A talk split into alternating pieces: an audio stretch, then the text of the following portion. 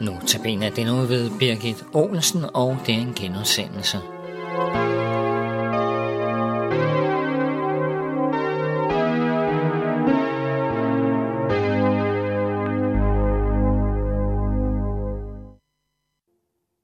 Hvad særligt vidunderligt er der ved julen? Det spørgsmål blev stillet af en handicappet dreng, og måske stiller du det samme spørgsmål. Livet er blevet så tungt for dig. Du er ramt af sygdom, du er arbejdsløs, ensom, du er blevet skilt, du har mistet et kært menneske til døden, du er deprimeret.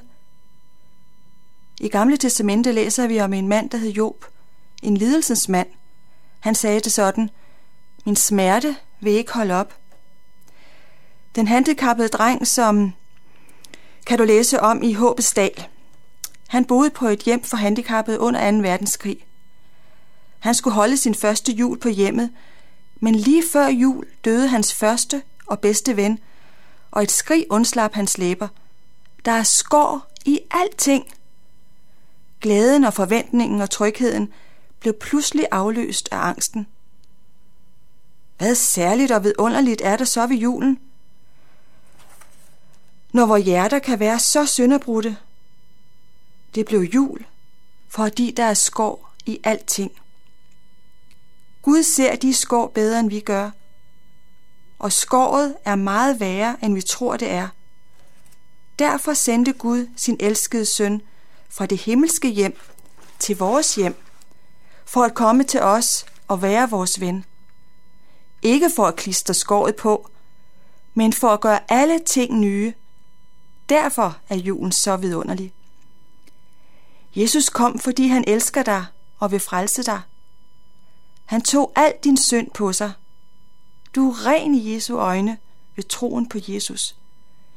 Jesus kom for at bringe et godt budskab til fattige og lægedom til dem, hvis hjerte er knust. For at udråbe frigivelse for fanger og løsladelse for lænkede. For at udråbe et nådeår fra Herren og for at trøste alle, der sørger, læser vi i Esajas bog. I dag er det fjerde søndag i advent. Adventstiden har været en tid, hvor vi har kunnet være stille og forberede vores hjerter på, at Jesus skal fødes. Martin Luther han skrev en salme til sine egne børn i 1535. Et af versene lyder sådan. Det er salme 95 i salmebogen. Og det er fra himlen højt kom budskab her. Han skriver sådan, min kære Herre Jesus Krist, gør dig en vugge i mit bryst. Tag herberg i mit hjerte der, at jeg der aldrig glemmer mere.